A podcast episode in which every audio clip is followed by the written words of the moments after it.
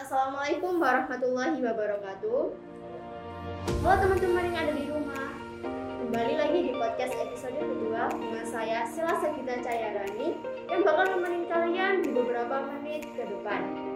Podcast kali ini dengan tema PPDB semasa dan mengapa sih kita harus menjadi semasa? Oh ya, kali ini saya tidak sendirian. Saya bersama narasumber yang sangat populer di SMA Negeri 1 Pasuruan. Beliau mengajar di bidang matematika peminatan sekaligus sebagai bapak kesiswaan. Udah tahu kan siapa beliau? Kalau kalian belum tahu, yuk kenalan dan berdialog dengan beliau di podcast kali ini. Halo Pak Imam. Halo, Assalamualaikum. Waalaikumsalam. Gimana apa kabarnya? Alhamdulillah baik. Oh ya, mungkin Bapak bisa sapa dulu ke teman-teman yang lagi nonton kita nih. Makasih. Eh, selamat siang semuanya pemirsa di rumah. Assalamualaikum warahmatullahi wabarakatuh. Saya Pak Imam. Saya bertugas di SMA Negeri 1 sebagai guru matematika dan diberi amanat oleh Bapak Kepala Sekolah untuk membantu beliau dalam bidang kesiswaan. Dan pada eh, saat ini, kali ini Eh, saya juga diberi amanat oleh beliau untuk menjadi eh, ketua panitia PBBW di SMA Negeri 1 Pasuruan tahun ajaran 2020-2021. Oke Pak, sesuai dengan tema kali ini, ada apa aja sih jalur PPDB di SMA Negeri 1 Pasuruan ini dan bagaimana alur di tiap jalurnya? Apakah berbeda dari tahun sebelumnya Pak? Kalau berbeda dengan tahun sebelumnya, insya Allah berbeda. Kita wawancara aja pakai masker, Mbak Sakita, Iya. Mbak Sela. Iya. Eh, jadi kalau tahun sebelumnya ada jalur offline, Ya. kalau sekarang online semua karena masa pandemi COVID ini. Ada lima jalur masuk semasa. Yang pertama adalah afirmasi, afirmasi untuk keluarga miskin, untuk distribusi kewilayahan 1%, kemudian untuk keluarga guru. Yang kedua adalah perpindahan tugas orang tua untuk anak kandung tenaga kesehatan yang menangani COVID di Rumah Sakit Rujukan COVID Jawa Timur, untuk anak kandung guru atau tenaga kependidikan, dan untuk eh, profesi lain, anak kandung profesi lain yang karena tugas orang tua seperti kepolisian, TNI, hakim, jaksa, anak kandungnya ikut juga pindah sekolah. Kemudian jalur yang ketiga adalah prestasi lomba. Prestasi lomba yang diraih selama di SMP mulai dari kelas 7 sampai kelas 9 bisa prestasi akademik maupun non akademik yang dibuktikan dengan sertifikat kejuaraan. Jalur yang keempat adalah zonasi yang mengukur jarak eh, domisili dengan eh, sekolah yang dituju. Jalur yang terakhir adalah eh, prestasi gabungan nilai rapot eh, semester 1 sampai semester 5 4 mapel matematika, IPA, bahasa Indonesia, bahasa Inggris itu bobotnya 70% dan 30% eh, adalah eh, untuk nilai UN tahun lalu SMP asal. Dari gabungan itu mendapatkan nilai akhir yang nilai akhir ini diperjuangkan untuk memperebutkan kursi di eh, SMA negeri di Jawa Timur. Jadi ya Pak. Ya. Nah, Pak, misalkan nih kalau saya mendaftar di suatu sekolah dengan jalur prestasi, tapi di akhir saya tidak diterima Pak. Nah, apa yang harus saya lakukan? Saya harus tetap di sekolah tersebut, tetapi berbeda jalur atau bagaimana Pak? Mungkin yang dimaksud Mbak Sela adalah prestasi lomba ya. Iya Pak. Prestasi lomba itu ada di tahap pertama. Tahap pertama bersama afirmasi dan pindah tugas orang tua. Untuk prestasi lomba kuotanya hanya 5%. 5% dari eh, pagu S masa yaitu 252. Nah, apabila eh, kalian masuk jalur eh, prestasi lomba kemudian kalah bersaing dengan yang lain karena hanya 5%, maka kalian eh, bisa mengikuti tahap kedua yaitu tahap zonasi. Apabila berjuang di tahap zonasi juga masih belum bisa eh, masuk, maka bisa langsung ikut juga di tahap yang ketiga yang terakhir yaitu prestasi gabungan rapot dan UN dengan PIN yang sama. Ya. Ya Pak. Nah Pak kalau misalkan kita kembali ke masa lalu nih kayak di 2019 nah itu daftar ulang dilakukan secara offline. Nah lain hal dengan tahun 2020 ini yang lagi pandemi. Semua dilakukan secara online. Termasuk juga dengan daftar ulang itu juga dilakukan secara online. Nah bagaimana mekanisme daftar ulang secara online tersebut? Uh, daftar ulang pada PPDB kali ini semuanya dilakukan secara online setiap akhir tahap mulai dari tahap 1, tahap 2 dan tahap 3.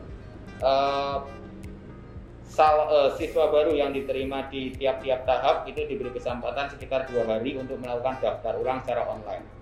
Daftar ulang tata caranya cukup buka ppdb jatim.net kemudian nanti dengan uh, input uh, dengan username PIN dan uh, mungkin NISN atau nomor UN Kemudian untuk daftar ulang hanya diberi dua opsi, yaitu icon daftar ulang dan icon mengundurkan diri. Kalau kalian lanjut masuk ke semasa, klik daftar ulang. Tapi kalau mengundurkan diri, artinya kalau misalnya kalian daftar sekolah lain, misalnya pondok, kemudian lebih memilih pondok, kalian klik mengundurkan diri. Adapun proses tersebut sesuai jukis dilakukan secara online. Uh, tidak ada uh, proses berkumpulnya siswa baru atau mungkin orang tua siswa baru ke sekolah ini bertemu dengan PPDB uh, eh, tunggu instruksi dari pusat terkait itu ya terkait daftar ulang entah itu informasi tentang seragam atau informasi tentang eh, kegiatan-kegiatan uh, yang ada di sekolah uh, kita. Jadi tunggu instruksi pusat. Adapun terkait daftar ulang hanya online saja lewat ppdb jatim.net. Oh, jadi begitu ya Pak? Ya. Gimana nih teman-teman? Udah pada paham belum? Ya, kalian jangan ke mana-mana dulu ya, karena saya dan Bapak Imam akan lanjut membahas kenapa sih kita harus memilih semasa sebagai sekolah tujuan kita. Sesaat lagi ya. Kembali lagi di podcast kedua kali ini dengan tema PBDB Semasa dan mengapa sih kita harus memilih semasa. Sesuai dengan janji tadi nih, saya akan mengajak teman-teman untuk membahas seperti apa sih semasa itu, aja ya Pak. Ya. Terkait dengan jalur SNMPTN. Dari seluruh SMA di Kota Pasuruan, SMA semasa itu sekolah yang paling banyak berhasil lolos jalur SNMPTN. Nah, itu apakah berdampak atau berpengaruh terhadap citra dari sekolah ini, Pak? Ya, terima kasih. Oh, untuk SNMPTN adalah uh, jalur resmi masuk perguruan tinggi negeri ya, mendapatkan kursi kuliah tanpa harus berjuang melalui tes. Mereka yang masuk jalur itu harus e, berlomba-lomba hanya seleksi rapot sama seleksi prestasi selama mereka berada di semasa mulai dari semester 1 sampai semester 5. Mereka yang sudah masuk telah berjuang keras untuk mendapatkan prestasi tersebut. Dan alhamdulillah dari SMA SMA di Kota Pasuruan semasa menyumbang 36 siswa lulusan sekarang diterima di PTN Negeri S1 melalui jalur ini SNPTN. Perjuangan mereka dimulai dari tentu saja eh, karena kita akreditasi A, sekolah kita akreditasi A, artinya 40% dari lulusan sekolah kita, sekolah semasa itu berhak untuk daftar di jalur SNMPTN. Jadi di ranking dulu mereka paralel, IPA paralel, kemudian IPS paralel, kemudian diambil 40% terbaik IPA boleh daftar SNMPTN. IPS 40% terbaik boleh daftar SNMPTN. Mereka memilih dua jurusan di PTN, kemudian uh, tunggu seleksi dari PTN tersebut. Nah, alhamdulillah uh, mereka diterima. Tentu saja perjuangan mereka tidak hanya berjuang lewat nilai rapot saja, Mbak Sela. Tapi uh, sertifikat-sertifikat kejuaraan, aktivitas mereka selama di semasa yang dituangkan dalam uh, sertifikat ya itu menjadi uh, nilai plus lain selain nilai rapot ada sertifikat misalnya Olimpiade KSN misalnya ya atau OSN Olimpiade literasi Olimpiade penelitian kemudian olahraga dan seni serta organisasi. Itu bisa di apa namanya e, bisa diunggah sebagai bahan pertimbangan e, masuk ke SNMPTN selain nilai rapor untuk siswa-siswi yang lolos jalur SNMPTN itu apakah siswa-siswi dari kelas 12 SMA atau hanya hanya dua tahun saja itu bisa lolos Pak? Oh ya, untuk SNMPTN kali ini uh, ini spesial karena uh, tahun ini semasa tahun pertama meluluskan uh, kelas percepatan dari SKS sebanyak 16 siswa kelas percepatan SKS lulus bersama siswa reguler 3 tahun. Jadi total kita ada 266 yang sudah lulus tahun ini, 16 di antaranya dari kelas percepatan. Dari 16 anak percepatan, alhamdulillah 9 anak kelas percepatan ini masuk lewat jalur SMPTN. Satu di antaranya sudah bisa menjadi uh, mendapat kursi di kedokteran, pendidikan kedokteran UNED. Ya itu kebanggaan dari kami uh, terkait kelas percepatan ini uh, karena uh, SMA 1 ini hanya satu-satunya SMA atau mungkin SMK juga yang uh, apa namanya menyelenggarakan program SKS satu-satunya di Kota Pasuruan sehingga ada kelas percepatan tersebut. Nah, rasa solidaritas yang tinggi antar warga SMA Negeri Pasuruan membuat sekolah ini terkait dengan hal tersebut?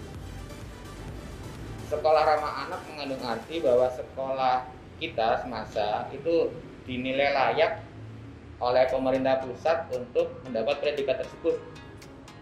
Eh, sekolah ramah anak indikatornya adalah memenuhi hak-hak anak. Kemudian tidak ada kekerasan di antara siswa-siswanya baik satu tingkat atau mungkin kakak kelasnya dengan adik kelasnya atau mungkin uh, siswa dan guru atau mungkin guru dan guru. Jadi uh, ramah anak bukan ya selain komunikatif dengan anak, kemudian juga uh, tidak ada kekerasan, tidak ada senioritas, ramah, solidaritas, gotong royong dan lain sebagainya. Sehingga kalau ada masalah atau ada uh, suatu uh, masalah kita tanggung bersama. Itulah uh, predikat dari sekolah kita semasa sekolah ramah Iya Pak. Jadi Pak, mungkin Bapak bisa memberikan kesan-pesan terhadap podcast kali ini dan juga motivasi kepada adik-adik SMP yang akan memilih sekolah tujuan. Silakan Pak. Ah, kita punya slogan semasa itu prestasi semasa itu prestasi. Prestasi itu perlu diraih. Untuk meraih prestasi perlu perjuangan.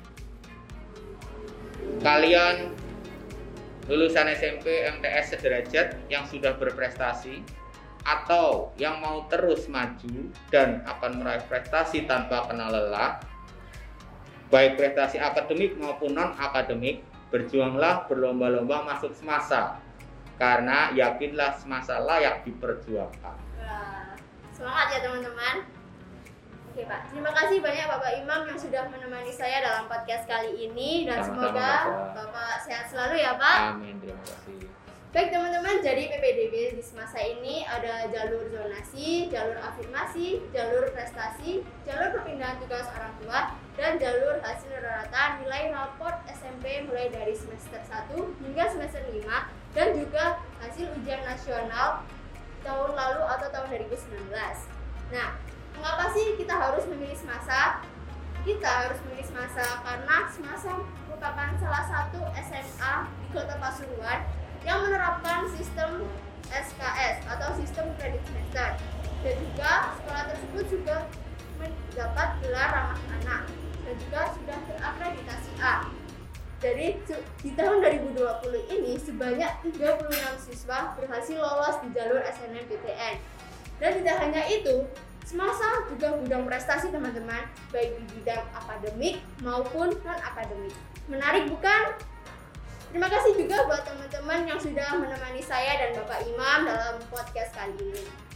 Semoga ini bisa menjadi referensi buat kalian yang masih bingung memilih SMA di Kota Pasuruan. Di sini saya akhiri. Maaf bila ada salah kata. Wassalamualaikum warahmatullahi wabarakatuh. Sampai jumpa di lain waktu. Bye bye.